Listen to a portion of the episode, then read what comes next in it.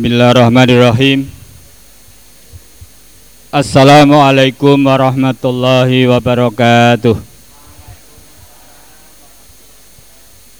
Alhamdulillahi rabbil alamin wal aqibatu lil muttaqin wala udwana illa 'alal Wassalatu wassalamu ala Muhammadin wa ala alihi wa ashabi asmain amma ba'd. Bapak Ibu Majelis Taklim ingkang dipun mulyakaken Allah Berwakani kajian ingkang injang menika langkung rumiyin sumangga sawane sawetawis Sami kula dari akan ngaturakan puji syukur kunjuk ngarsa dalam Allah Subhanahu wa taala Adi kalangan ninjang menika pinjenengan kota pinaringan nikmat yuswa panjang sehat lan sempat langkung-langkung nikmat iman lan Islam. Ingi karona nikmat kasebat maha ninjang menika kula panjenengan tasih piniji dening Allah. Kalenggahaken wonten taman surganipun Allah majelis taklim. Mugi-mugi pepanggihan penjenengan kula injang menika mangke nyaring hidayah saking Allah Subhanahu wa taala, panjenengan kula mangke kundur pikantuk ilmu ingkang manfaat. Satemah saged manfaat dikesang kula panjenengan wilujeng piduya wal akhirah. Amin. Salam salawat mugi katur junjungan Nabi Agung Muhammad sallallahu alaihi wasallam. Para sahabat lan para panderek lan mugi pinyasa kula fa insyaallah. Bijawati yaumul qiyamah mugi pikantuk syafaat saking Rasulullah Muhammad sallallahu alaihi wasallam. Bapak Ibu Majelis Taklim yang dipun muliakan Allah panitia langkung rumiyin ngaturaken sugeng injang sugeng pinanggih malih wonten taman surganipun Allah Majelis Taklim injang menika Nomor kali ngaturaken ageng panuwun awit kerawan panjenengan sampun nyempataken wekdal kangge ngregengaken kajian injang menika Mugi-mugi badha injang menika mangke dados sasarana. Kiyatipun ingkang kita sami ngrungkepi iman lan Islam ngantos titimongso katimbalan suwan marak wonten ngasanipun Allah. Pikantuk predikat kusnul khotimah amin. Ingkang salajengipun panitia ugi ngaturaken ageng panuwun awis saking impak panjenengan. Ingkang sampun panjenengan paringaken kalebakat wonten kotak impak. Dados sarana beteng saking geni neraka panjenengan sedaya saged manfaat kangge kepentingan agaminipun Allah Islam Bapak Ibu Majelis Taklim ngantipun muliakan Allah kepareng badhe panitia laksana ngaturaken urut tututaning kajian injang menika. Judulnya akad injang edisi 1 songo Majelis Tabligh Muhammadiyah cabang Blimbing daerah Sukoharjo. Wonten ing dinten akad Dawang tanggal pitu Ramadan 1400 kawan dosa hijrah. Tutawi tanggal kalih welas Mei kalih ewu songolas Masehi. Wanci jam 6 ngantos dumugi jam pitu tiga dosa menit. Papan wonten Masjid Ponpes Imam Suhodo. Ing badhe medar sabdo injang menika pinjanipun Ustad Sahadi Abu Azamin Wakil Ketua Majelis Tarjih Pimpinan Daerah Muhammadiyah Soekarjo utawi Wakil Direktur Pondok Pesantren Imam Suhodo. Kanti tema injang menika Ramadan dan nilai-nilai ketahukitan Ramadan dan nilai-nilai ketahukitan Acara ingkang sepisan pambuka. Nomor kalih kajiannya sesi sepisan kawan dosa menit Nomor tiga jeda informasi Sekawan kajian sesi kedua Dumugi jam pitu tigang dosa menit Gangsal penutup Makaten acara kajian injang menika. Monggo kita witi kajian injang menika kanthi maos basmalah sesarengan. Bismillahirrahmanirrahim. Dumateng ingkang pantes kehormatan Bapak Ustadz Sahadi Abu Azamin wekdal sawektahipun klaturaken sumangga. Bismillahirrahmanirrahim. Assalamualaikum warahmatullahi wabarakatuh. Alhamdulillah wassalatu wassalamu ala Rasulillah wa ala alihi wa ashabihi wa man walah wa tasliman katsira.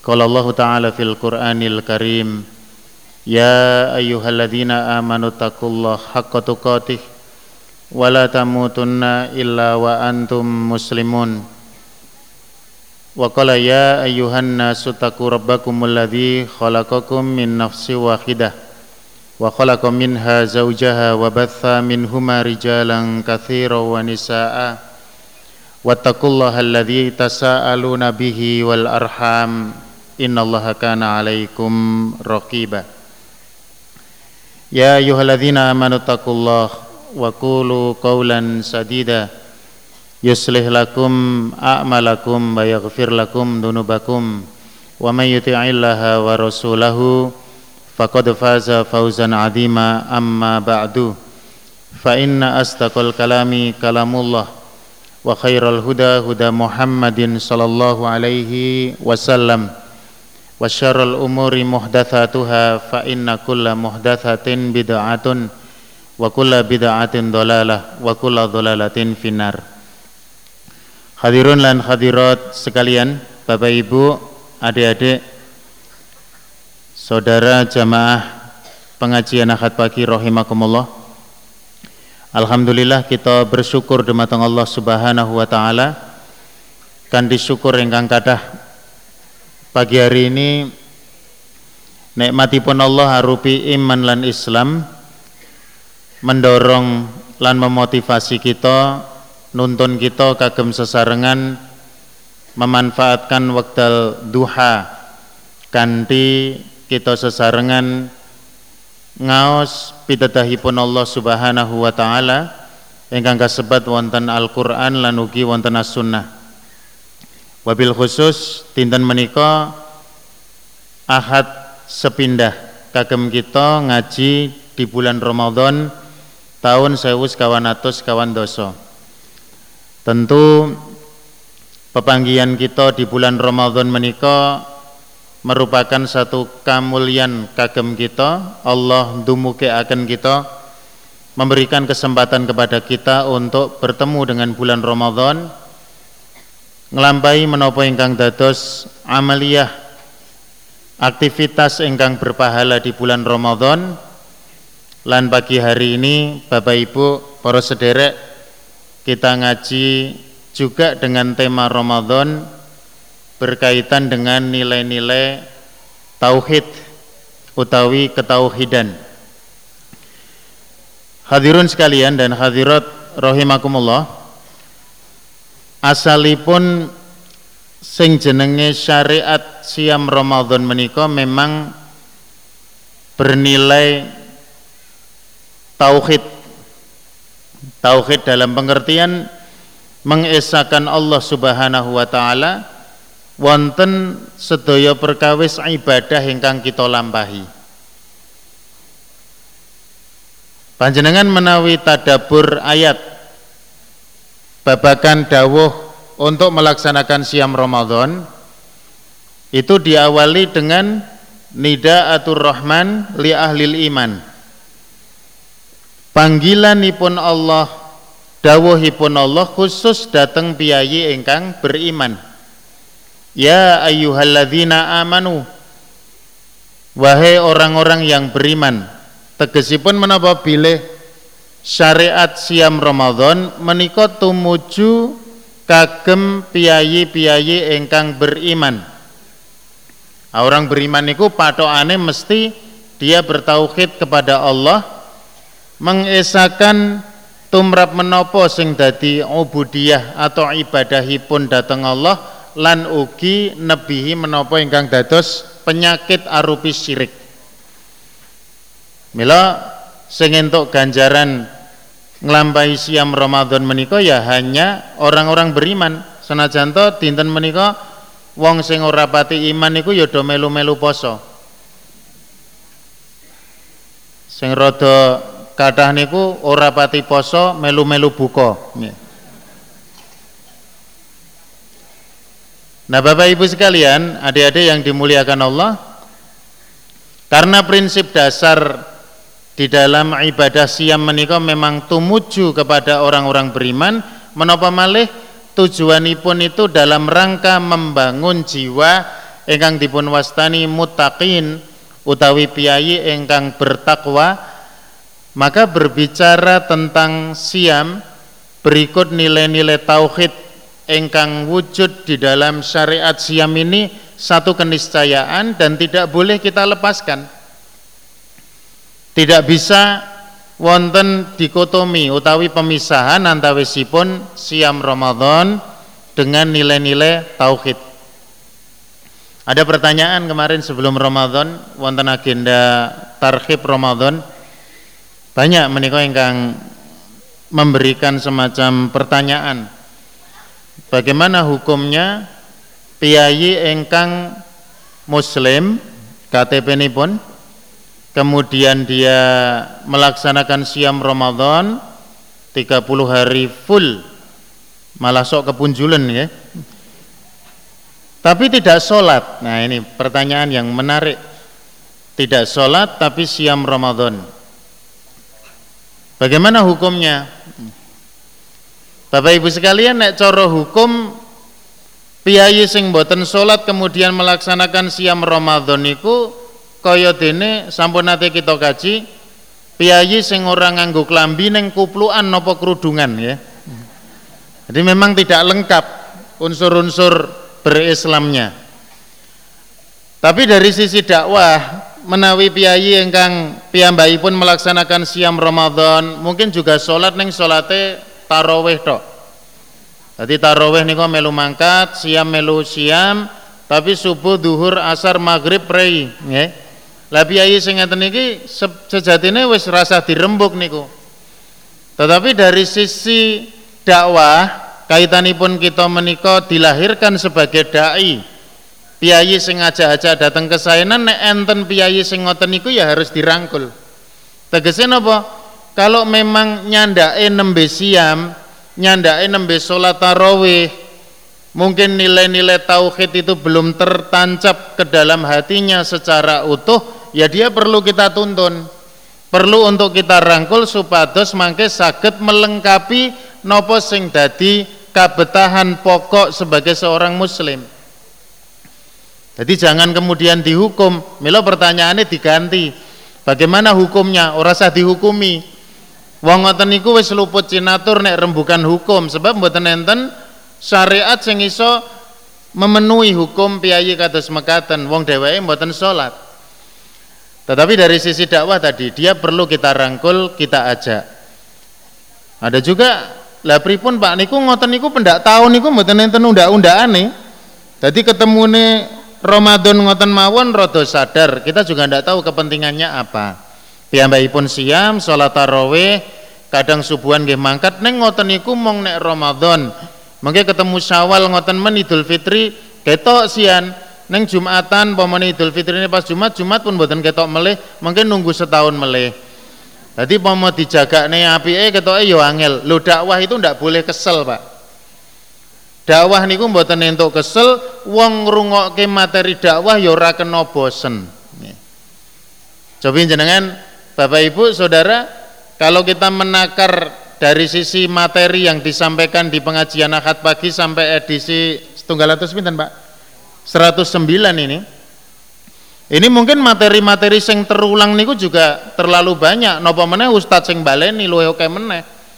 Cahiki meneh angger Ramadan ketemu ngoten ya nah Bapak Ibu sekalian maka sejatine Ramadan menika memang bagian daripada madrasah engkang Allah siapkan kagem kulolan panjenengan dalam memantapkan nilai-nilai tauhid kita. Tidak boleh ada dikotomi pemisahan antawisipun madrasah ingkang asesilih Ramadan dengan nilai-nilai tauhid yang dibawa oleh seorang muslim sebab menikah saling melengkapi kalau boleh saya matur satu galing pangandikanipun ulama yang saya sampaikan di awal pepanggian menikah Ramadan seorang muslim menikah tidak akan pernah mengantarkan dia kepada derajat seorang mutakin utawi biayi engkang bertakwa tanpa dilandasi nilai-nilai tauhid. Ini mutlak, sesuatu yang tidak bisa kita tinggalkan. Apalagi momentum Ramadan tahun ini sejujurnya nek kagem kula pribadi menjadi rodo khusus karena kita sudah menjalani sebelum Ramadan ini berbagai pergolakan berbagai peristiwa sing kadang-kadang mengikis nilai tauhid itu sendiri. Bapak Ibu peristiwa Pilpres, Pileg negara kita punya gawe besar, banyak hikmah yang bisa kita ambil di sana, tapi sejujurnya juga banyak maldorot. Ya, artinya umat Islam secara khusus menikah ternyata menyikapi peristiwa-peristiwa menikah ubo rampe terkait dengan pelaksanaan pilpres tasih kathah ingkang nerak lan nabrak aturan-aturan syariat sehingga kemudian konsep-konsep tauhid itu juga terkikis dan tergerus. Maka penting kagem kita untuk kembali kepada prinsip-prinsip tauhid datang naluri utawi fitrah kita sebagai muslim bahwa kita ini semuanya adalah jiwa-jiwa muwahhid yang mengesahkan Allah Subhanahu wa taala dalam semua perkara kehidupan kita termasuk amaliyah Ramadan. Termasuk nunggu pengumuman rolikur Mei sesok. Ini prinsip tauhid juga harus kita junjung.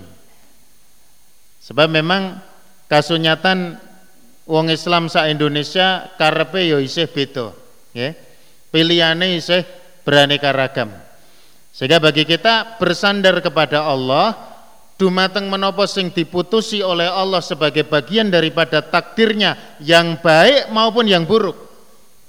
Kados pangandikanipun Nabi sallallahu alaihi wasallam antuk mina bil qadari khairihi wa syarrihi. Bapak Ibu adik-adik sekalian. Beriman kepada qadar itu yang baik maupun yang buruk. Kanggone sing seneng paslon 03 menang berarti 03 nek menang dheweke mesti seneng. Neng sing seneng paslon 04 ketika 03 menang dheweke mesti senep. Niku dadi takdir sing ora apik tapi kita beriman kepada takdir itu. Sebab Allah menikah ketika memutuskan sesuatu terlepas daripada doa-doa kita menginginkan pemimpin yang terbaik insya Allah nggih itu semuanya adalah bagian daripada nilai tauhid yang harus kita junjung.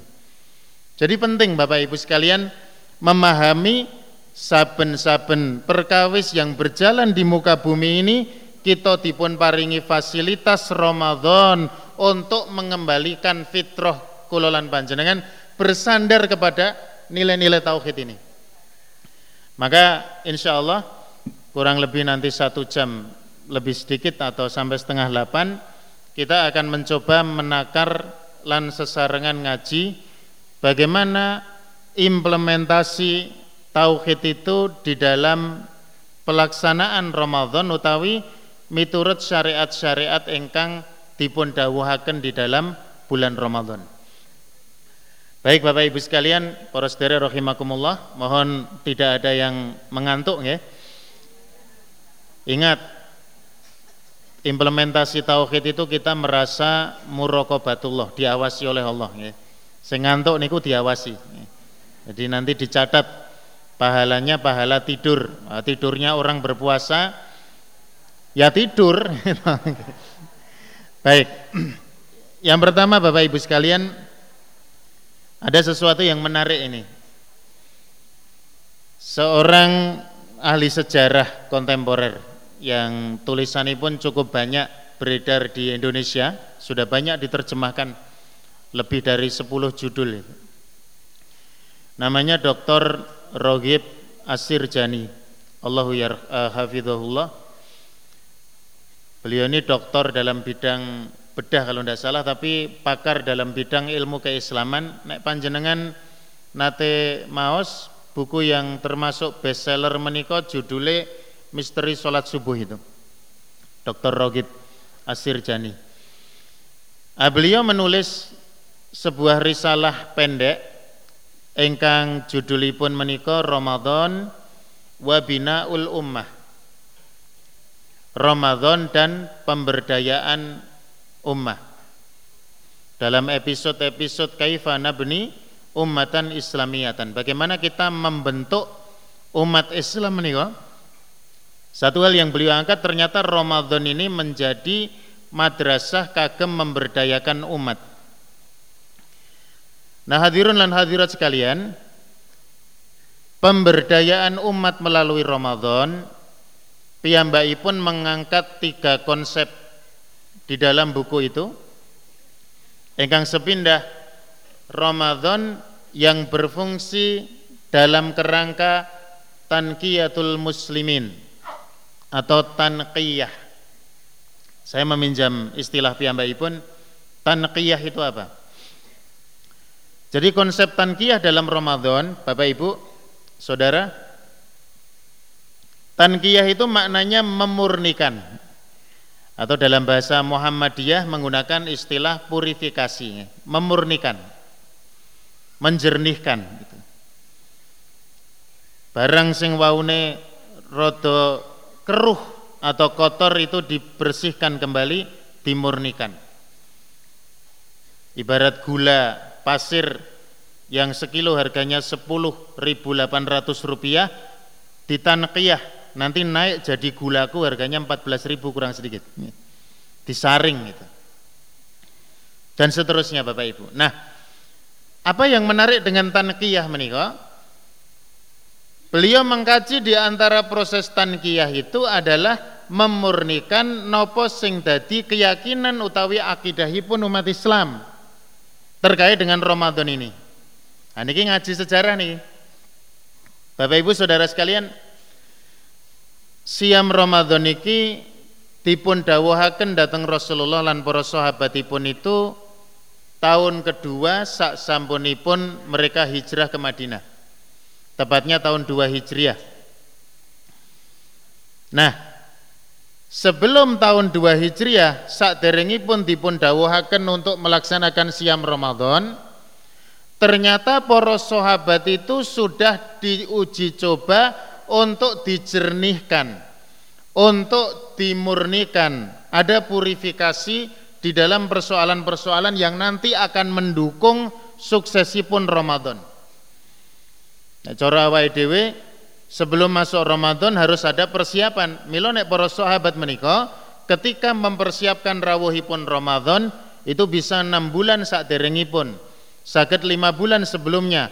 Bahkan ada yang sampai satu tahun sebelumnya sudah persiapan masuknya Ramadan. Saking Ramadan menika memang tamu yang luar biasa. Ada satu peristiwa Bapak Ibu sekalian Engkang para ahli sejarah menika paring istilah tahwilul kiblah. Perubahan arah kiblat kaum muslimin. Jadi sebelum masuk Ramadan, umat Islam menika dipun dawuhaken oleh Allah untuk menghadap kiblat. Kiblatipun bukan ke Masjidil Haram, bukan ke Ka'bah Baitullah Al-Muharram, tetapi kiblatnya wonten Baitul Maqdis utawi ingkang kita kenal dengan Masjidil Aqsa yang letaknya di Palestina itu ya. Awalnya memang kiblat kaum muslimin menikah di Masjidil Haram, kemudian ada dawuh hikmahnya di antaranya sebab Masjidil Haram waktu itu menjadi sentra kesyirikan sebetulnya. Jadi berhala-berhala niku kan tasih madek kokoh di Masjidil Haram sampai 360 patung dan seterusnya nggih. Kemudian orang-orang jahiliyah itu tasih bertawaf dalam keadaan telanjang. Nah sing putri tawafe malam hari, sing kakung tawafe siang hari wudo. Malam hari niku putri yo ben ra ketok nek awan wong lanang-lanang niku wong wedok-wedok ora ana sing metu saka ngomah. Turun dhisik nginjen niku ra iso. Soale bangunannya kan bangunan sing tertutup ngoten. Nah saniki kan nggih repot nggih. Nah, itu perjalanan umat Islam. 16 bulan umat Islam menika sak derengipun mlebet Ramadan salat menghadap ke Baitul Maqdis. Menghadapnya ke Palestina. Sejatinya Bapak Ibu sekalian, kagem kaum muslimin niku tumrap menapa sing diperintahkan Allah dan Rasulnya itu tidak ada persoalan. Mau disuruh menghadap ke mana kalau itu perintah ya tidak ada masalah. Derek tapi ternyata sing jenenge ibadah selain kita manut dengan ketentuan Allah Subhanahu wa taala namanya manusia itu kadang perasaan itu juga bermain. Waktu itu umat Islam madep kiblat di Baitul Maqdis selama 16 bulan hampir-hampir tidak ada masalah. Tapi masalahnya orang Yahudi itu ternyata memang mereka dari dulu sampai sekarang itu nyinyir. Eh mersani orang Islam itu sholat ke Baitul Maqdis atau ke Masjidil Aqsa, orang Yahudi ini ku raiso menahan diri. Mereka mengatakan, loh, sampeyan ki piye wong Islam iki? Sampeyan ki duwe agama anyar, duwe rasul sing anyar, lah kok salat kiblate isih madhep kiblate awake dhewe wong Yahudi, kok sampeyan ora kreatif? Pernyataan menika mengganggu sekali tumrapipun kaum muslimin. Sehingga coro nilai-nilai tauhid, nilai-nilai bangunan ibadah menika dengan suara-suara orang Yahudi niku ya meso ganggu. Sehingga akhirnya muncullah kegalauan di kalangan kaum muslimin termasuk Rasulullah Shallallahu alaihi wasallam piyambak. Kegalauan demi kegalauan itu terus dirasakan sebab mereka merasa tidak nyaman ketika beribadah kemudian mendapatkan serangan-serangan secara psikis oleh orang Yahudi. Ngopo kok sampean ngadep kiblatku? Kudune sampean kan duwe kiblat dhewe. Maka Waktu itu turunlah dawuh dari Allah Subhanahu wa taala, "Qad nara taqalluba wajhika fis sama falanuwalliyannaka qiblatan tardoha fawalli wajhaka syatral Masjidil Haram." Iki nek sawang-sawang Muhammad awakmu ki mulai galau. Beliau menengadahkan mukanya ke langit seperti ingin mendapatkan pembaruan arah kiblat yang diinginkan oleh kaum muslimin mengembalikan kepada kiblat di mana Nabi Ibrahim yang membangun Ka'bah menikah. Akhirnya fawali wajahaka syatral masjidil haram. Ada perintah supados merubah arah kiblat. Waktu itu miturut riwayat-riwayat engkang sakit kita waos pelaksanaan perpindahan kiblat menikah pas sholat asar. Sehingga ada masjid engkang dipun wastani Masjidul Kiblatain. Salat asar madhep kiblate waune ke Masjidil Aqsa berbalik arah ke Masjidil Haram. Nah, Bapak Ibu sekalian, adik-adik rahimakumullah, ini yang disebut oleh para ulama sebagai bentuk purifikasi akidah mempertahankan tauhid. Dalam hal apa? Ternyata proses tankiyah menikah umat Islam supaya dijauhkan dari apa-apa yang menjadi tradisi dan brandingnya Yahudi. Iki harap menghadapi Ramadan umat Islam ini. Ketika nanti umat Islam menghadapi Ramadan masih menghadap ke Baitul Maqdis, maka persoalannya nanti mereka akan mulai kacau. Nuwun sewu, ibarat orang itu menghadap kepada satu titik untuk fokus, neng tesih melu-melu dikandake melu-melu oleh orang Yahudi sehingga ini akan menjadikan masalah maka oleh Allah Subhanahu wa taala diputus persamaan dengan orang Yahudi menika dengan ditentukan kiblat engkang asalipun atau kiblat yang baru yaitu menghadap Masjidil Haram. Maka Bapak Ibu sekalian, hari ini kita mendapati satu persoalan sebetulnya kagem kaum muslimin tatkala mereka beribadah itu tasih melu-melu tata cara ibadahnya orang-orang Yahudi dan Nasrani. Jadi penanaman nilai tauhid itu adalah eksklusivitas. Bilih kulolan panjenengan menikah punya aturan sendiri. Sampai urusan kiblat we dicepake dinggo wong Islam dhewe ben engko wis ora ribut-ribut maneh.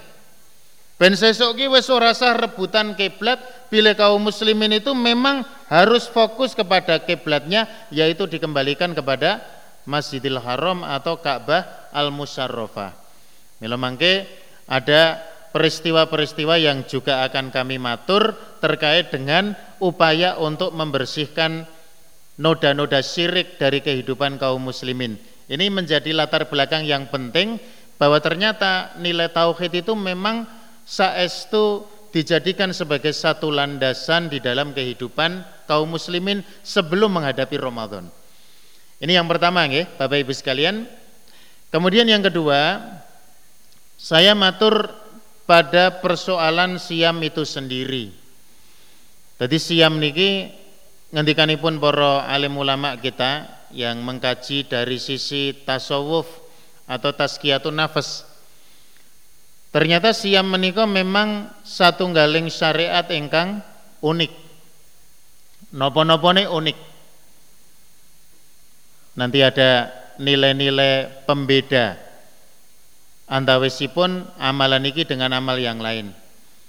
Ada satu riwayat yang disebutkan oleh Rasulullah SAW, kulub bani Adama saben-saben anak Adam menika yudha'af. Al hasanatu bi asri amthaliha. Sing jenenge kebaikan itu di bulan Ramadan akan dilipat gandakan kebaikan itu sampai 10 kali ila sab'i mi'ati dhi'fin sampai 700 kelipatan. Ila siam. Kejaba siam. Fa innahu li sing jenenge siam iki ora kanggo Bani Adam, ora kanggo awake dhewe nanging kagem Allah Subhanahu wa taala wa ana ajzi bihi lan aku sing bakal paring ganjaran tumrap siamipun. Hadirun lan hadirat sekalian, amaliyah Ramadan ini kan begitu luas, banyak sekali. Tetapi Allah Subhanahu wa taala memberikan pengantar sing jenenge amal Ramadan iku ditikelke ganjarane malipet-lipet sampai 700 tikelipun. Kecuali siam. Siam ini tidak bisa diukur kanti ukuran lipatan pahala sebab menikah khusus untuk Allah. Nah para alim ulama dalam kitab syarah-syarah hadis menika menegaskan pangandikanipun Asia muli wa ana ajzi bihi siam ki kanggo awakku Allah lan aku sing bakal paring ganjaran. Ini menjadi satu indikator ketauhidan yang luar biasa di mana kita mempersembahkan pahala siam menika hanya untuk Allah Subhanahu wa taala sebab Allah sing bakal paring ganjaran langsung. Sementara amalia-amalia sanesipun tilawatul Quran kulolan panjenengan, ngaji kulolan panjenengan dalam bentuk pengajian, sodakoh kulolan panjenengan, lan ubo rampe engkang meniko minongko amal solih melengkapi amalia Ramadan kita termasuk qiyamul lail, salat tarawih lan sapi turutipun. Itu semuanya mendapatkan pahala yang berlipat-lipat tapi Allah mengatakan siam ini tidak ada lipatan pahala. Lah saniki nek menungso umumnya manusia itu kalau dikasih ganjaran ngoten senengnya kan sing ketok hitungane. Contoh enten wong salat berjamaah. Ketika ditanya, itu memang keutamaan ya. Dia berangkat ke masjid, loh sampean kok salat semangat men Mas? Neng masjid jamaah, aku golek 17 ngoten. Jadi sing digoleki 17. Lagi 17 apa 17 jamaah apa 17 imam ngoten ya. Artinya manusia itu begitu seneng dengan yang namanya nominal atau angka-angka itu.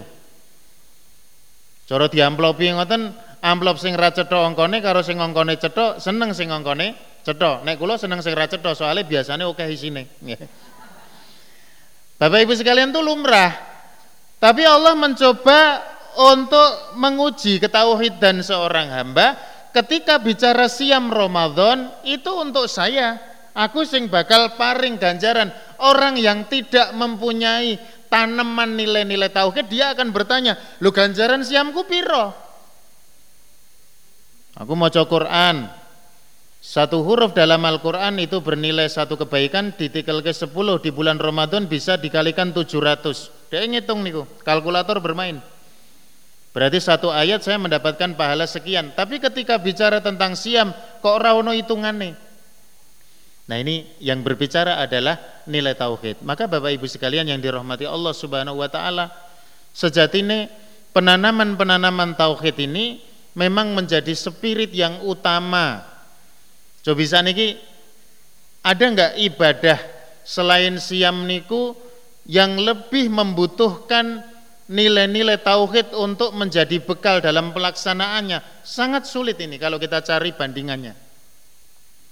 Ibadah sing liyane niku rata-rata malah ketok nek ngibadah neng siam niku malah ora pati ketok. Nek sesuk ngeten iki nyetrapati ketok ngono wis bar dhuwur rada ketok ngoten. Ketok tele-tele, ketok lambene wis mulai meniren ngoten nggih dan sebagainya niku ketok. Tapi secara umum indikator itu kan hampir tidak ada. Sehingga banyak orang Masya Allah sahur bersama keluarga Seorang bapak kepala keluarga Sahur bersama keluarga Tapi pada saat yang sama makan siang bersama teman sekantor Nanti sore iftar bersama keluarga Buatan konangan ya. Maka ada perintah untuk warung-warung niku supaya nutupi nganggo korden niku ben sing mukah-mukah kuwi ra ketok ngoten lho. Ora ketok ngelek-ngeleki ngoten lho maksudnya. Nah ini Bapak Ibu sekalian ya, yang yang sangat penting untuk kita pahami. Jadi spirit Ramadan itu memang bicara tentang nilai-nilai tauhid. Maka insya Allah eh, pada sesi yang kedua saya akan coba untuk memerinci nih, beberapa amal, beberapa aktivitas yang ternyata ketok ini ku babakan sepele menurut persepsi manungso tapi penanaman nilai tauhidnya luar biasa. Sehingga kita bisa melihat ada orang melaksanakan siam niku dewe duduk kiai, dewe duduk ustadz, dewe bukan orang-orang yang dipandang punya ilmu yang banyak. Tetapi Allah Subhanahu wa taala ternyata memang menakar nilai tauhidnya, keikhlasannya dalam melaksanakan siam lan amaliyah-amaliyah pun mereka bisa mendapatkan pencapaian yang lebih bagus. Jadi derajat mutakin niku ora kok sing lingguh ten mriki mesti luwih takwa tinimbang sing ten ngisor mboten. Niku mboten enten urusane. Tetapi lebih kepada persoalan-persoalan tauhid tadi. Baik, niki mungkin untuk sesi yang pertama sementara waktu kawula sampaikan kepada Ustadz Sofwan. Monggo. Bapak Ibu Majelis Taklim ingkang dipun muliakan Allah, mekaten kajian sesi pertama ngambali dolar sing dipunindakaken Ustaz. Pilih akhir bar pemilu niki masjid-masjid pengajian niku saestu sudo saestu. Termasuk injang menika. Alhamdulillah sampun pulih ibu-ibu ini bapak cik rada kecewa saja ya. kita jangan menjadi orang yang kecewa. Kita jangan merasa kehilangan sesuatu. Ya. Bab orang yang bersama Allah akan memiliki segalanya. Tapi orang yang kehilangan Allah sudah akan kehilangan segalanya. Niki zaman dan akeh wong sing padha kelangan iman. Ya rantang ditambani Quran akhirnya dadi edan.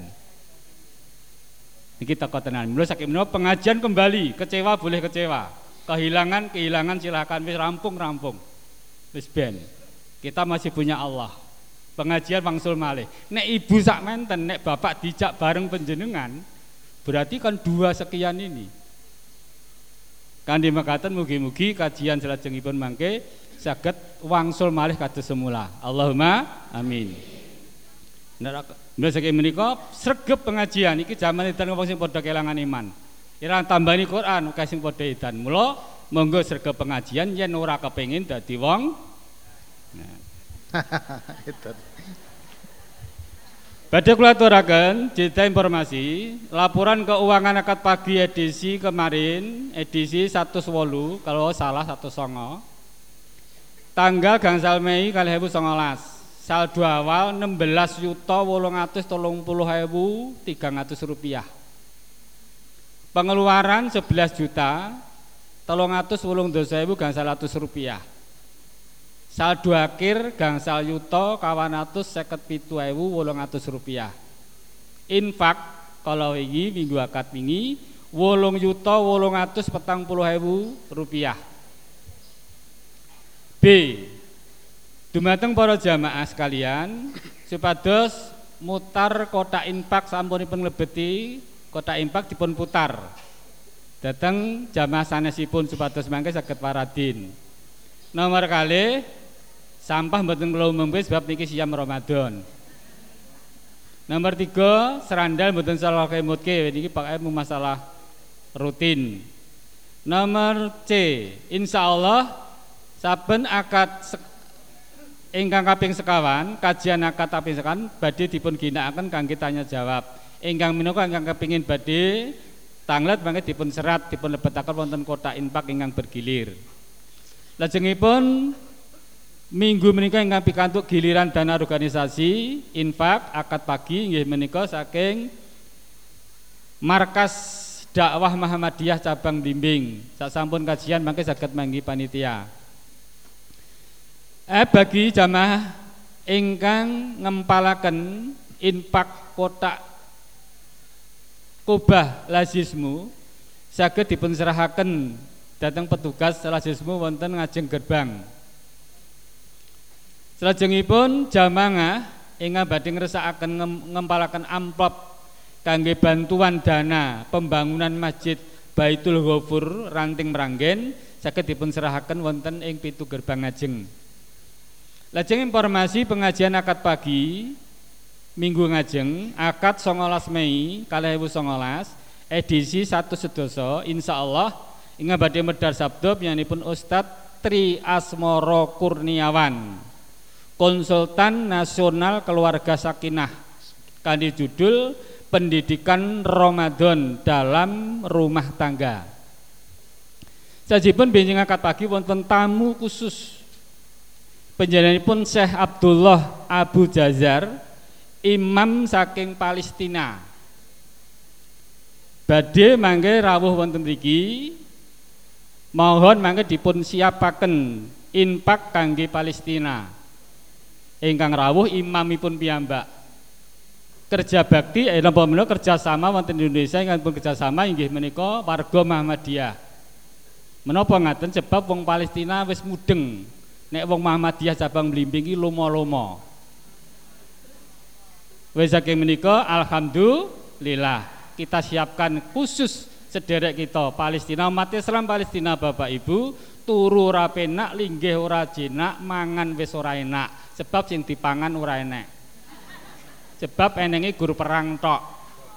Sing celaka niku manten anyar arep malam pertama krungu bom rasido kali menika pun siapakan infak.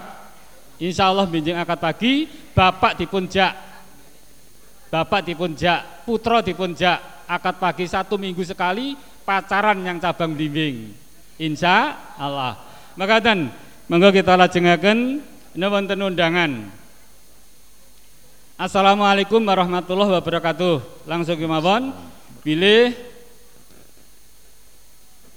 Pada salam dan sejahtera, kami beritahukan dengan hormat bahwa sesuai dengan program pimpinan cabang Muhammadiyah Blimbing Majelis Pembina Kesejahteraan Umat PKU bahwa pada tahun 2019 ini akan menyelenggarakan kitanan massal bagi warga Muhammadiyah secabang Blimbing. Kegiatan tersebut insya Allah akan kami laksanakan besok pada hari Ahad tanggal 23 Juni 2019 waktu mulai pukul 6 pagi tempat di gedung Panti Asuhan Yatim PKU Muhammadiyah cabang Blimbing Gedung Barat. Pelaksana para medis BPPKU Muhammadiyah Imam Syuhodo cabang Blimbing. Fasilitas biaya hitan gratis. Dua, mendapatkan sarung dan hem. Sehubungan dengan tersebut, bersama ini kami mohon kepada segenap pimpinan ranting Muhammadiyah sesabang blimbing untuk segera mendaftar peserta kitan yang ada di wilayah saudara untuk kemudian dikirim kepada sekretaris PKU Muhammadiyah cabang blimbing, Saudara Irawan. Telepon 085 642 107 887 paling lambat tanggal 6 Juni 2019 demikian harap menjadikan maklum. Bapak Ibu mengatakan pariworo pun kita lajengaken kajian sesi ingkang nomor kali Dumateng Ustaz untuk bekal tabung laturaken semoga. Jazakumullah khairan. Bapak Ibu sekalian rahimakumullah. Pada sesi yang kedua kita mencoba untuk mentelaah. Enggang sepindah ada peristiwa peristiwa besar pada masa Rasulullah. Engkang lampahipun menika justru di bulan Ramadan dan itu menjadi kunci keberhasilan bagi dakwah Rasulullah pada peristiwa-peristiwa yang lain di luar bulan Ramadan. Dr. Iyad Al-Kunaibi ngendika dalam catatan-catatan beliau Ahammul intisorot wal futuhat fi Ramadan di antara peristiwa besar ingkang lumampah pada bulan Ramadan itu adalah Ghazwatu Badr Al-Kubro, perang Badar ini. Bapak Ibu coba kita bersama-sama membaca sedikit fragmen sejarah perang Badar menika dalam memahami kekuatan tauhid yang waktu itu betul-betul menjadi sandaran kagem keberhasilan kaum muslimin mengalahkan musuh pada perang Badar. Kata singkang sampun kita mangertos bahwa perang Badar ini terjadi menurut catatan sejarah itu tanggal 17 Ramadan tahun 2 Hijriah nggih. 17 Ramadan itu pas pengumuman KPU sesuk Roli Kurmai. Nah, berarti memang tadi sudah Pak Sofwan ngendiko ya. Kita ya bagaimanapun harus mulai kembali Bu, Pak, untuk memahami sedaya menika dengan menyandarkan kepada kebaikan umat Islam secara umum gitu. Jadi pitulas Ramadan sesuk roli kurma ini ku memang sampun wonten sing siap-siap perang Badar. Saya tidak tahu jenengan termasuk sing pundi. Tapi ada juga yang siap-siap nuzulul Quran Pitulas Ramadan Tapi kembali kepada perang Badar Bapak Ibu sekalian Asalipun umat Islam menikah kan memang tidak ingin berperang waktu itu. Rasulullah ngempalakan para sahabat Engkang jumlah jumlahipun 300 sekian belas. Ada 3, 13, 317 Niki ongko-ongko sing ora pasti. Ahli tarikh berbeda pendapat tapi sing kena telung atus enten punjule untuk menghadang kafilah dagang Abu Sofyan engkang badhe tindak dateng Syam. Dalam rangka ngijoli bondone umat Islam yang tertinggal di Makkah. Kan umat Islam hijrah saking Makkah datang Madinah itu kan nggak bawa apa-apa Bapak Ibu sekalian. Sedaya menapa sing dadi harta benda mereka ditinggalkan di Makkah itu. Artinya orientasi awal pasukan 300 langkung sekedek menika memang dalam rangka mendapatkan harta. Niki dipun sebataken dening para ahli sejarah. Tapi Allah Subhanahu wa taala berkehendak lain. Pilih menopo sing dadi tujuan dunia untuk mendapatkan harta menika seketika dibalik oleh Allah Subhanahu wa taala menjadi tujuan-tujuan akhirat. Sing maune do arep golek bondo, lah nek pasukan 300 niku nek diukur waktu itu mereka ingin menghadapi kafilah dagangnya Abu Sufyan itu iso merantasi. Sebab sekuat-kuatnya kafilah dagang menikah diperkuat oleh pasukan yang tidak seberapa. Tapi ternyata kondisi tidak demikian. Abu Sufyan membaca dengan kecerdasannya kekuatan kaum muslimin yang bersiap untuk menghadang. Akhirnya meminta bantuan kepada orang-orang kafir Quraisy dari Makkah. Begitu mereka mendapatkan informasi bilih tentara Muhammad ataupun sahabat Muhammad di Madinah akan mencegat kafilah dagang, wong Quraisy niku kaya disumet niku. Jadi langsung dia meledak mempersiapkan pasukan yang luar biasa seribu orang terdiri dari 700 pasukan penunggang onta 100 pasukan berkuda dengan 600 baju besi dan mereka bersenjata lengkap. Sementara wong Islam piyayi telung atus niku wau memang orang duwe niat perang. Sehingga kekuatan mereka juga tidak sebanding. Hanya dua pasukan berkuda miturut catatan sejarah yang terpercaya dan 70 pasukan penunggang onta yang lain-lain mereka-mereka yang belum berpengalaman di dalam peperangan. Maka Bapak Ibu sekalian, ketika kafilah Abu Sufyan, kecerdasan Abu Sufyan untuk menghindar dari cegatane pasukan kaum muslimin. Sebanyak 300 orang sekian menikah. Akhirnya membuahkan hasil pasuk e, kafilah dagang Abu Sufyan selamat. Selamat. Sehingga Abu Sufyan kirim utusan kepada orang-orang Quraisy wis ora sah sida perang. Iki rombonganku wis selamat pasukane Muhammad ora ento apa-apa sampean wis doleren wae ora sah perang. Tapi Abu Jahal sebagai Fir'aunnya zaman itu ngendikanipun Nabi sallallahu alaihi wasallam ternyata punya pikiran yang lain. Ora iso iki wis bacut toto-toto mosok ora mangkat. Bis wis dipesen wis do bacut dandan wis pamitan karo tangga teparo barang saloke wis enek sing titip oleh-oleh kerupuk lamongan barang. Lah kok ora mangkat saru walhasil kita harus tetap berangkat akhirnya menjemput pasukan di lembah Badar menika Bapak Ibu sekalian adik-adik yang dirahmati Allah Rasulullah Shallallahu Alaihi Wasallam ketika menghadapi kenyataan seribu pasukan lawan yang begitu kuat. Sementara pasukan pun menikah hanya 300 orang lebih dan itu bukan pasukan-pasukan pilihan. Ternyata yang namanya manusia biasa Rasulullah Shallallahu Alaihi Wasallam mengalami guncangan yang luar biasa. Abu Bakar As-Siddiq para sahabat senior Umar ibn Khattab radhiyallahu anhu dan sabi pun yang memberikan dukungan moral ternyata tidak cukup menenangkan hati Rasulullah sampai Rasulullah menikah mendengar pernyataan dari pasukan yang lain sehingga akhirnya waktu itu sampai dipun rembak iki api-api kita mundur kembali ke kota Madinah untuk tidak berperang dengan mereka yang memiliki kekuatan yang lebih besar atau kita tetap keluar menemui mereka.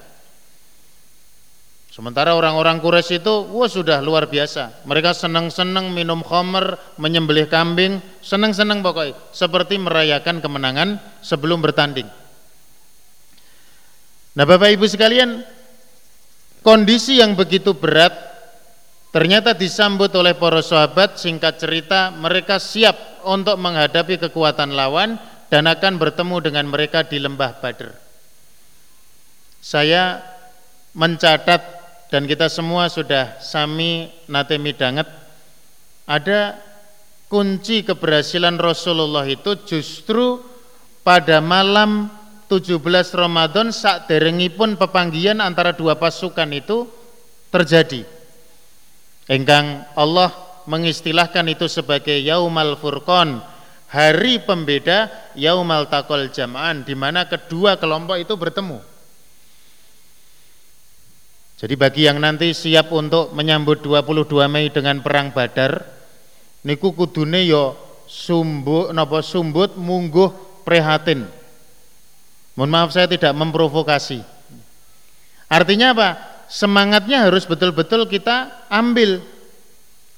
Malam hari Allah Subhanahu wa taala memberikan Masya Allah umat Islam yang dalam kondisi rodo galo yang akhirnya terus mantep malam itu diberikan ngantuk rasa kantuk yang luar biasa supaya iso turu sesuk benawai seger bisa jadi rasa kantuk itu nyebar ini sidik mulai doroto angop-angop nih nggih jadi rasa kantuk itu nikmat Pak. Wong niku nek deg-degan rada susah tanggungane abot niku nek ngantuk iso turu niku moro-moro ya rada plong pas turu niku ya. Nah tangi kok ya mulai meneh tapi Rasulullah tidak begitu. Rasulullah tidak bisa tidur beliau sepanjang malam menika bermunajat dengan munajat engkang boten nate dipun bersani para sahabat langkung. Tinimbang menapa sing dilampahi pada malam itu itu sampai mengangkat tangannya itu kan sampai tinggi sehingga selendangnya itu berkali-kali jatuh karena saking tingginya mengangkat ini. Masalahnya apa Bapak Ibu? Representasi umat Islam waktu itu ya pada kekuatan pasukan Badar telung tiga belas atau sekian orang itu yang ngasih kalah maka berarti kekuatan umat Islam itu memang sudah tidak ada di muka bumi wes orang enak tenan betul-betul kalau pasukan Badar waktu itu habis, ya sudah. Sington Madinah itu tinggallah orang-orang yang lemah dan waktu itu Islam memang dibawa oleh Rasulullah. Beliau sebagai manusia biasa ternyata merasa itu. Jadi ketakutan itu ternyata menjadi motivasi untuk bertauhid yang luar biasa. Mula wong urip niku nek mulya terus, itu sering kali terganggu tauhidnya. Maka kalau ada ujian-ujian yang menimpa umat Islam, ulama dikriminalisasi, umat Islam dipojokkan, itu sebetulnya merupakan tarbiyah kagem kita. Kalau zaman dhisik ketika ustadz-ustadz do dipejai, kiai do dipateni, niku urip kula niku tawakale jan kelase rada dhuwur ngoten. Jenengan nggih sami, kula yakin, keluar rumah niku rada mikir, aku engko urung karuan mulih ki urip ngoten. Tapi ketika sudah agak tenang, wis mulai rada anu niku kaya-kaya semendene ning Allah itu ya rada suda gitu loh. Maka mohon maaf saya selipkan sedikit pesan tauhid di dalam Ramadan 22 Mei itu takdir Allah yang berjalan. Allah yang pilihkan untuk kita siapa yang akan memimpin kita, tinggal kita memperbanyak syukur pada akhirnya nanti atau kita memperbanyak sabar. Jadi semuanya harus direncanakan, semuanya harus dilaksanakan dengan landasan tauhid ini. Sing siap untuk melakukan people power dengan pilihannya juga harus dilandasi dengan kekuatan tauhid. Ini penting. Ojo sampai rolikur diumumke siap people power bengine angler kabeh. Ini tidak pas gitu loh. Karena Rasulullah Shallallahu Alaihi Wasallam waktu itu sampai dengan doa yang sangat monumental. Allahumma in tahlik hadhil isabah fala tu'bad fi wajhil ardi abada. Ya Allah, yang sampai kelompok niki barisan kaum muslimin yang 313 ini sampai kemudian kalah, maka niscaya tidak ada yang akan beribadah kepada engkau di muka bumi sebab waktu itu memang representasi umat Islam hanya itu. Doa yang sempat heboh dibaca Mbak Neno Warisman. Ya. Ya silakan didiskusikan itu. Tepat atau tidak tapi semangat perang badar itu waktu itu betul-betul tepat.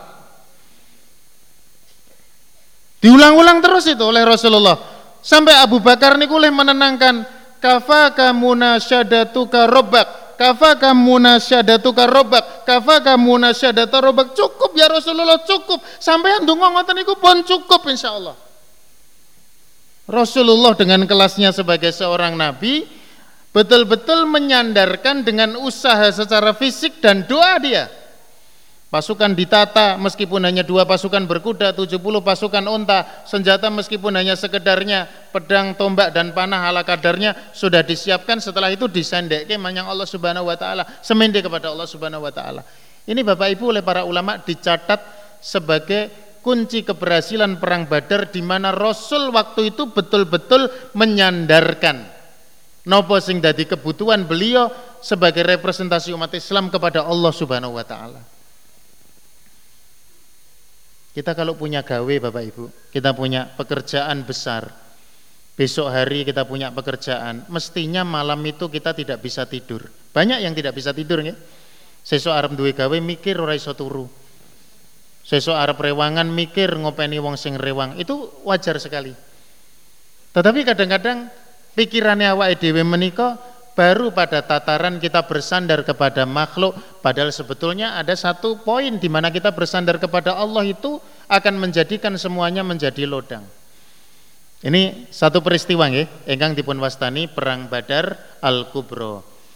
Yang kedua, ingkang lumampah di bulan Ramadan dan ini menjadi penting kagem kita kaji adalah Fathu Makkah.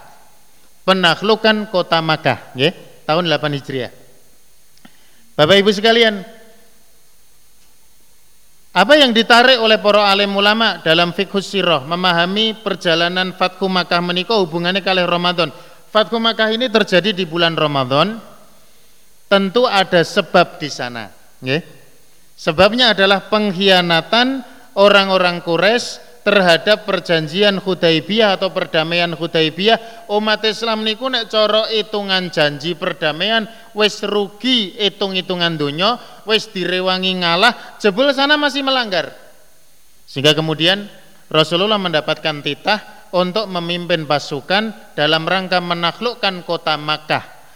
Ada persoalan yang menjadi cita-cita Nabi setelah sekian lama nembe kelampahan ketika terjadinya Fathu Makkah. Apa itu? Pembersihan berhala-berhala dari Baitullah Al-Musarrafah sing minulyo sing dinggo kiblate kaum muslimin itu dibersihkan semua. Ini adalah satu bentuk perlawanan terhadap kesirikan yang luar biasa dan menjunjung tinggi nilai-nilai tauhid lan menika lumampah pada bulan Ramadan. Maka hari ini Bapak Ibu sekalian, supados kulolan panjenengan betul-betul menghargai Ramadan ini sebagai satu bulan yang menjadi madrasah kagem kita untuk membentuk nilai-nilai tauhid itu. Ini contoh-contoh yang pertama terkait dengan peristiwa-peristiwa yang terjadi di bulan Ramadan. Yang kedua Bapak Ibu, kita mencoba untuk melihat bahwa Ramadan dengan segala ubur rampenya ternyata semua syariat amalia-amalia engkang sifatipun wajib sampai dengan sunnah itu semuanya punya nilai tauhid. Dan kadang-kadang kita terlupa dengan itu. Siam jelas nilai tauhidnya begitu kuat. Ada yang saya perlu matur engkang sepindah Bapak Ibu masalah sepele nih sahur. Sahur ini menjadi mulia karena disebut oleh Nabi dalam hadis. Jadi beda makan malam saat derenge subuh karo sahur niku beda. Sarapan dengan sahur berbeda. Apa dimensi tauhid yang bisa kita fahami dari aktivitas sahur? Non sewu kadang-kadang awake dhewe niki ora pati gagas kalau istilah sahur itu ternyata menjadi motif kuat dan tidaknya kita siam bukan semata-mata karena nutrisinya, tapi karena dimensi tauhid yang mengakar itu. Contoh Nabi ngendika faslu ma baina siyamina wa siyami ahlil kitab aklatus sahur. Sing bedake antawisipun siyame awake dhewe dengan siamnya ahlul kitab adalah makan sahur. Artinya orang-orang Yahudi dan Nasrani itu mereka juga siam. Tapi yang membedakan mereka dengan kita ada pada makan sahur ini. Orang Yahudi itu mereka siam, Bapak Ibu, mereka poso, imsak. Imsak niku poso. Apa yang mereka lakukan ketika puasa? Mereka mengawali puasa itu dengan makan malam, tengah malam. Jadi tengah malam dalam ajaran Yahudi itu makan untuk mendahului mereka melaksanakan siam. Milo hati-hati sing dodahar tengah wengi niku nyerupani Yahudi nek diniati tinggu poso ya. Sebab sahur itu kalau dibahas tentang waktu adalah sepertiga malam akhir, berarti nek tengah malam itu belum masuk. Sementara Nasrani menikah juga mereka melaksanakan puasa, tapi sahure nek wong Nasrani niku setelah selengeng serengenge meletek nih. Jadi setelah suruk, nah istilahnya itu sarapan. Melo kok enek celemat-celemut kok baru ngaku poso, ya itu Nasrani memang. Ya. Maka dikatakan faslu ma baina siyamina wa siyami ahlil kitab aklatus sahur. Tapi sebetulnya prinsip-prinsip tauhid yang perlu kita fahami apa toh? Urusan cara makan sebelum siam saja kita dididik oleh Rasulullah melalui titahipun Allah supaya bedani dengan gaya orang-orang Yahudi dan Nasrani. Mantasyabbaha biqaumin fahuwa minhum sapa wonge sing nyerupani suatu kaum maka dia termasuk dari golongan kaum itu sampai urusan sahur ini. Maka bagi orang yang faham tentang bagaimana kita dituntun untuk berbeda dengan Yahudi dan Nasrani sampai urusan beribadah kita. Ini karena cintanya Allah sama kita, nilai-nilai tauhid itu kita junjung betul. Sayang sekali hari ini banyak orang melaksanakan sahur ya wis tepak, iftar tepak, neng siame gaya hidup dia ketika siam masih nyerupani Yahudi dan Nasrani. Hanya mereka tidak makan dan minum saja. Tetapi lifestyle mereka dalam menjalani kehidupan masih serupa dengan Yahudi dan Nasrani yang mereka juga puasa. Ini ini persoalan kita. Kemudian Bapak Ibu sekalian masih pada persoalan sahur, dimensi tauhid itu di mana? Ada orang salah dalam memahami sahur sebab mboten dihubungke kali ibadah, mboten dihubungke kali tauhid. Nabi ngendika tasaharu fa inna fis sahuri barokatan. Padha sahura sebab sahur niku ngrawuhaken barokah. Istilah barokah ini yang banyak dilupakan oleh umat Islam. Perintah sahur itu asalipun dalam kerangka mendapatkan barokah. Berarti bukan sekedar makannya, bukan sekedar menunya, bukan sekedar ada orang tidak kuat siam seperti pernah kami ceritakan tempo hari. Ketika siang hari dia bertugas kok tele-tele banget. Ketika ditanya, lu sampean kok ketok kesel banget? Aku ndek bengi sahur, ya mengentek energen telung gelas misalkan. Jadi ada ungkapan ora sahur neng energen telung gelas niku iso kolu. Ndak kuat, dia ndak kuat. Kenapa? Sebab ora entuk barokah sahuripun. Karena kekuatannya pada barokah menawi dipun runtut Rasulullah sallallahu alaihi wasallam engkang dahar sahur menikah hanya dengan tiga biji kurma, hanya dengan air putih. Sebagian kita mungkin dengan bahan makanan yang lain, bukan pada bahan makanannya. Oh dadi nek ora dahar sego, sak lawuhe, sak ubur rampene dianggap ora sahur. Ini keliru. Keyakinan tidak sahur itu menjadikan saumnya kurang mendatangkan barokah. Maka Bapak Ibu barokah itu penting dan barokah itu adalah manifestasi ketauhidan yang sebenarnya. Lu mboten enten. Piyayi ngakoni mendapatkan kebaikan melalui barokah kalau dia tidak bertauhid kepada Allah Subhanahu wa taala. Sangat sulit itu. Maka alhamdulillah hari ini kita temukan budaya-budaya orang sudah mulai sahur dengan ala kadarnya. Ya, artinya nopo sing didahar itu tidak menjadi penting, tidak bersandar hanya kepada nutrisi, nanging semende meniko kepada persoalan barokah. Ini contoh saja. Kasusnya tadi, kalau nilai tauhidnya tidak benar, ke, sahur niku masya Allah, kelakon mangan tengkleng tondak tanduk, Esok niku jek sarapan padahal Ramadan. Kan gendeng niku. Nggih. Tegese napa? Ora kuat poso. Bukan persoalan dia sudah sahur atau tidak, tapi karena ndak dapat barokah, kuantitas sahuripun menika mboten paring manfaat kepada orang yang siam tadi. Ini yang pertama ya, amaliyah yang sederhana. Nomor kali iftar.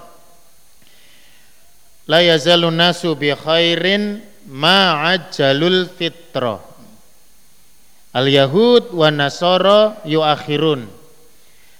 Manungso muslim kita-kita ini insyaallah akan senantiasa dalam kebaikan ngendikanipun Rasul berarti ada kebaikan di situ. Ketika kita menyegerakan iftar, takjil, pakai ain ya, takjil. Nah orang go ain takjil niku artinya menunda. kalau takjil menyegerakan, nek takjil menunda. Jenengan paring takjil napa mboten lah nek takjil niku malah randang buka-buka nggih.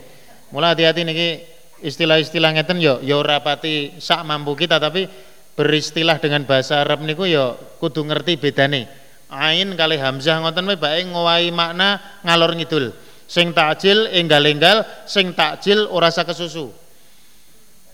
Ada imam maaf, maaf baca ayat Eh, fa ammal yatima fala takhar wa ammas saila fala tanhar. Adapun orang-orang yang meminta-minta piyayi sing jalon-jalon niku aja mbok getak-getak. Nek manane kan ngoten. Sebab dia jaluk kok digetak-getak maling malah mbok tokne kan ngoten. Wong jaluk kok. Tapi ada yang baca wa ammas saila fala tanhar. Oh, saking fasih nganti ganti hak Artinya nopo tanhar, ojo mbok beleh. Adapun orang yang minta-minta ojo mbok beleh itu. Tutuk ono wae kan begitu. Nah, kan jadi tidak tepat. Nah, Bapak Ibu sekalian, ada nilai yang luar biasa terkait dengan iftar menikah. Satu hal, iftar ini dihubungkan oleh Rasulullah Sallallahu Alaihi Wasallam dengan persoalan apa? Terkabulnya doa sebelum melaksanakan iftar sunnah berdoa saat pun iftar atau berbuka siam. Coba kita lihat hari ini umat Islam mulai kehilangan gaya engkang dipun tuntunkan Rasulullah. Maka kalau ada kajian iftar bersama enten mubalek sing ngisi itu diseyukyakan sebelum iftar ada jeda. Saya pernah hayal-hayalan niki mungkin ngisine ngantos jam pinten, Pak? Nggih ngantos adan jenengan pokoknya ngisi nek pun adan mandek. Badane jam piro ki sajake? Tidak begitu, mestinya ada jeda 5 menit, 7 menit bukan semata-mata gue nyepak ke daharan, bukan. Itu juga termasuk. Tapi sebetulnya ada waktu di mana kita memanfaatkan kubailil iftar saat pun iftar semenit, rong menit, telung menit itu untuk berdoa kepada Allah Subhanahu wa taala. Kemudian juga ada nilai ta'jil tadi, enggal-enggal iftar. Kalau niki sosok rada mboten pede, Pak. Dadi ustad niku kadang nek jamaah niku ramanut kula ngoten niku ya rada mangkel. rada, nggih. Contohnya mau sederhana. Kemarin saya ngisi pengajian di Kemuning. Itu kan sudah selesai, tinggal lima menit. Sudah sumadyo, teh Kemuning, ubur rampe niku wis cemepak. Tinggal nunggu azan, nunggu masuknya waktu iftar. Nah, saya lihat jadwal, wis kena cedok jadwalnya. Ketika sudah masuk iftar, Misalkan di sana kemarin jam 17.28. Niku kan kula ngajak buka, "Engko Pak, sampun wancine." Terus kula ngombe, masih ngombe entek sak gelas jamaah sitok-sitok ora ana sing melu. Kaya-kaya ustadz ra dipercaya to ngoten niku. Lah dereng ngadan Pak Ustadz niku pripun lho? Sampean ngerti yo sing ngadan kae sak piring wis entek lagi adan. Artinya apa? Takjil itu nilainya ya di situ. Kacek sedetik, rong detik, telung detik, enggal-enggal. Neng ora kesusu nggih, mboten keseso. Enggal-enggal niku nek wis wancine ya enggal-enggal. Lah di situ nilai takjil. Lah nek terus suwe yo. Masih kula wedang entek, sosis ya tak emplok, kurma tak krikiti sithik-sithik suwe-suwe aku mangani dadi rada risi. Menungso semene renek sing melu buka iku kurang ajar tenan. Ah niki bumbu ya, ora tenanan hati kula tenang. Itu sedih saya. Kenapa tidak mensunahkan mengikuti sunnah untuk takjil? Padahal napa? Ngendikanipun Nabi sallallahu alaihi wasallam la nasu bi khairin ma ajalul fitra. Wow, kebaikan itu akan terus berada pada manusia itu tatkala dia enggal-enggal. Tegesnya nek wis cetha wektale wis masuk, ya sudah, enggal-enggal iftar. Ini yang kedua Bapak Ibu sekalian ya. Jadi memang ternyata ngoten niku wis ora iso dihitung karena persoalannya persoalan tauhid. Tinggal kita ya mungkin nek perdebatane lu jam kan sakit beda-beda. Mungkin waktu bisa beda-beda silahkan. Tapi kalau persoalannya kok dadak nunggu adzan dan sebagainya, aku kan dadi izin nek ngisi ngoten niku, nggih. Baik. Yang ketiga Bapak Ibu sekalian rahimakumullah, manifestasi nilai-nilai tauhid itu bisa kita lihat di Ramadan menikah dalam persoalan sodakoh ini. Tadi sudah disampaikan koda infak wis mubeng. Iki rodo okeh penurunan ya infakin jenengan.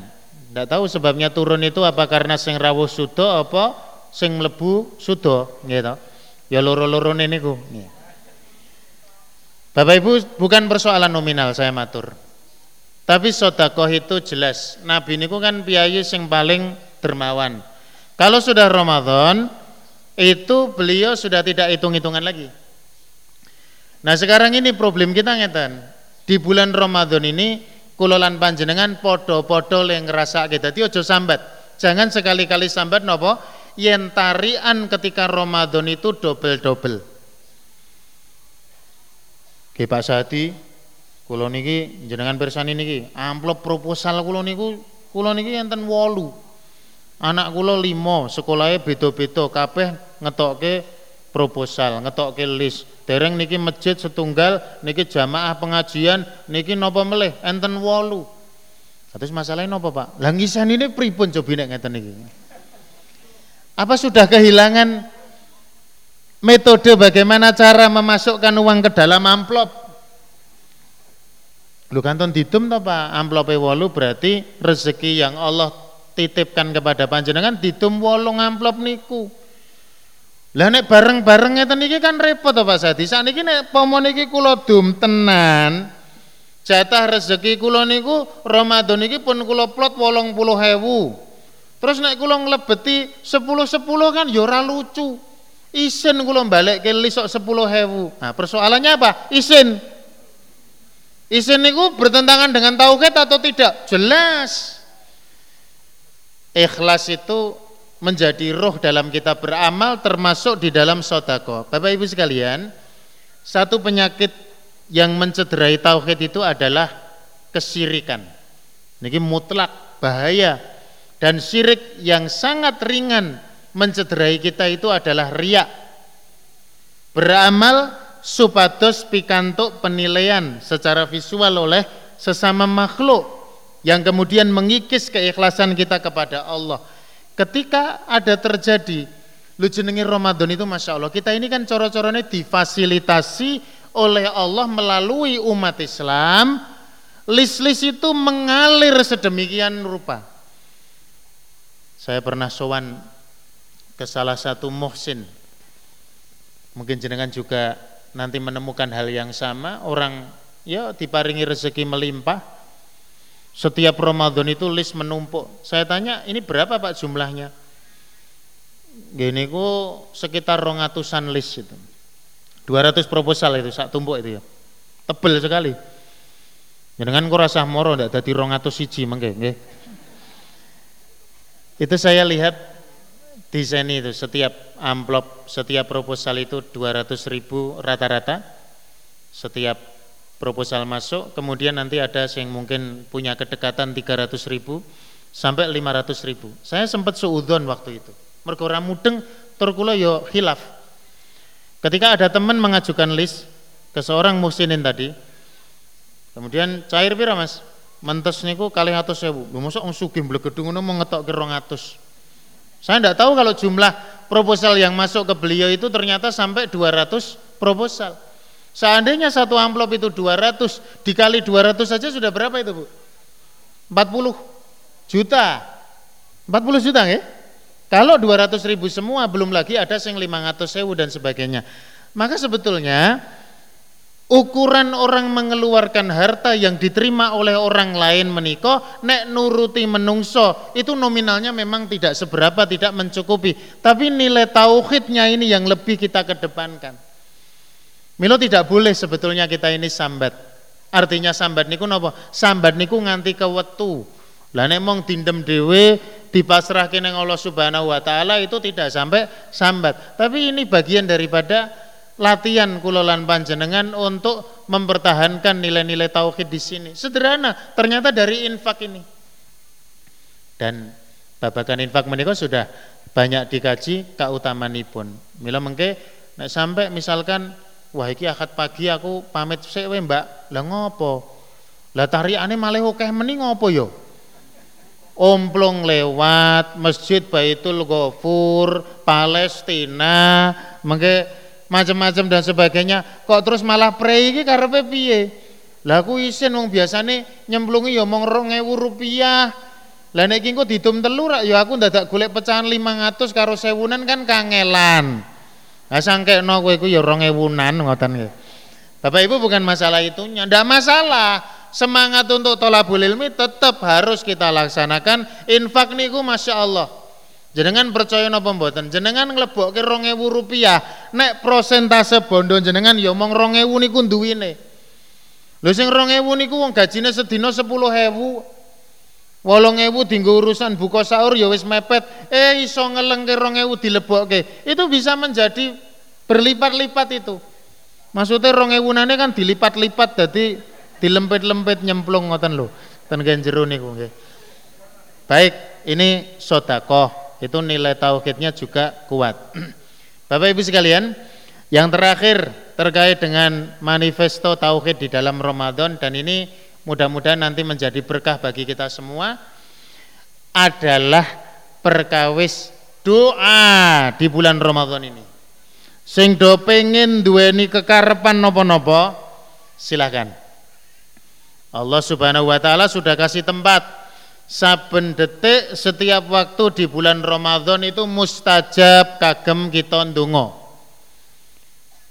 Surat Al-Baqarah 186 Wa idza sa'alaka ibadi anni fa inni qaribun ujibu da'wata da'i.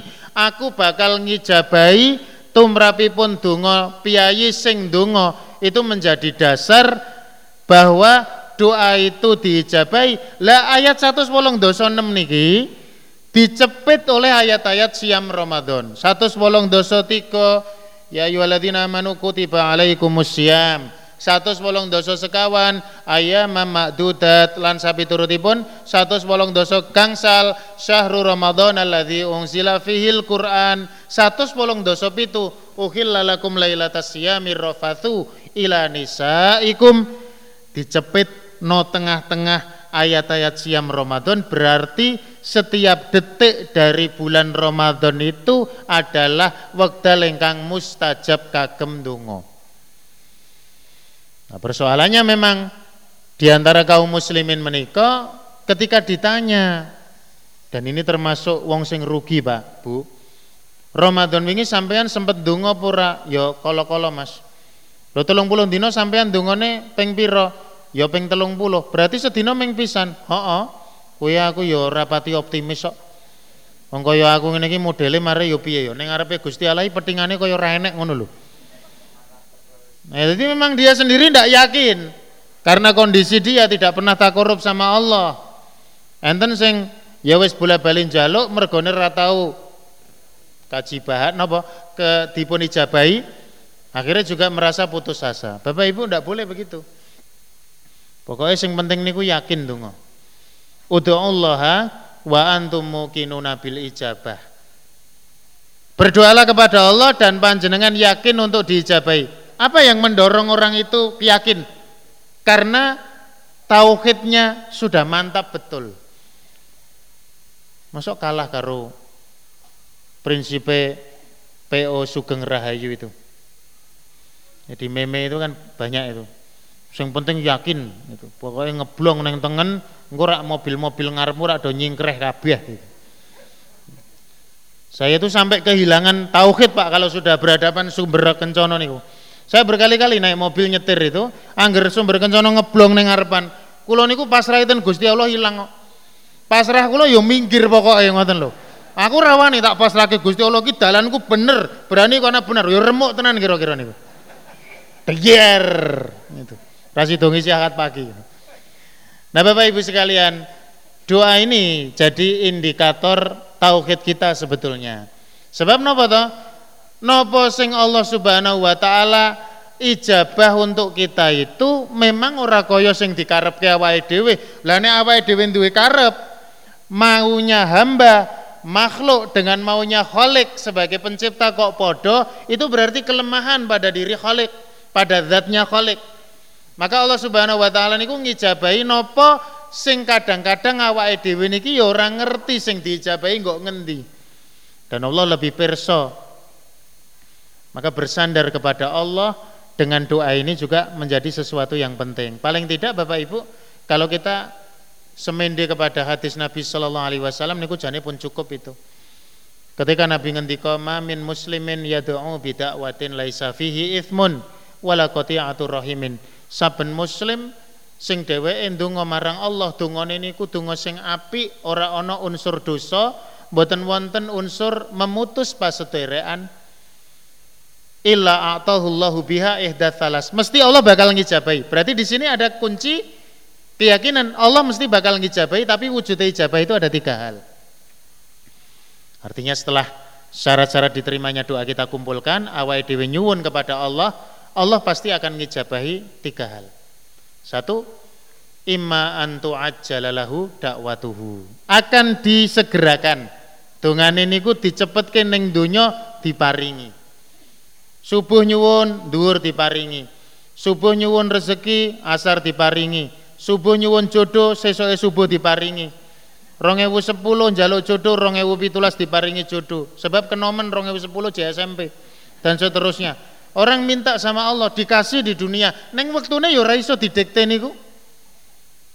Pengen ganti presiden 2019 durung kelakon. Oh, sok ya 2024 pengen dua periode songolas baik ganti presiden kita tidak ngerti tapi di dunia diberikan waktunya awal dhewe mboten iso dikte sebab sing langkung mangertos tumrap kabetahan kula lan panjenengan adalah Allah Subhanahu wa taala. Donga ya Allah, iki engko jam 7.30 nek iso pengajiane wis rampung selak panas iki sing tengah-tengah iki.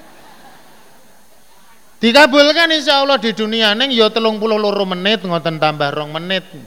Dikabulkan. Yang kedua, wa imma an yadakhirahalahu fil akhirah. Oh, ternyata doa itu Masya Allah kalau sudah prinsip kedua itu kita pegang, Pak. Selesai orang itu berdoa. Artinya sudah cukup apa? Doa kita neng dunia ora dipun ijabai langsung tapi di akhirat dijadikan tabungan untuk kita. Masya Allah. Nek dijulen terakhir dowo okay. kemudian yang terakhir wa imma an yasrifa anhu bisu imitlaha eh nyuwun kesainan neng dunia minta kebaikan dia ndak diberi kebaikan itu. Tapi dihindarkan dari keburukan yang lebih besar atau yang sama dengan apa yang dia minta berupa kebaikan.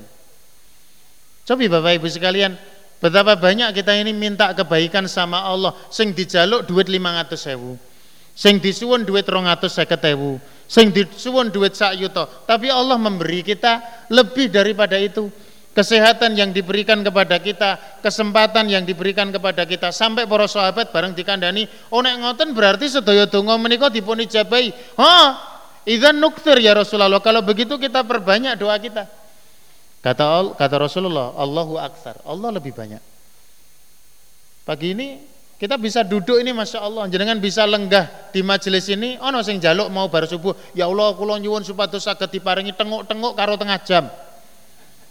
Mungkin ada satu dua yang minta ya Tapi tidak semua. Nyatanya ya diparingi linggui Sing saiki ra iso tenguk kaya jenengan pirang-pirang kalau jedok lekaran yang omah.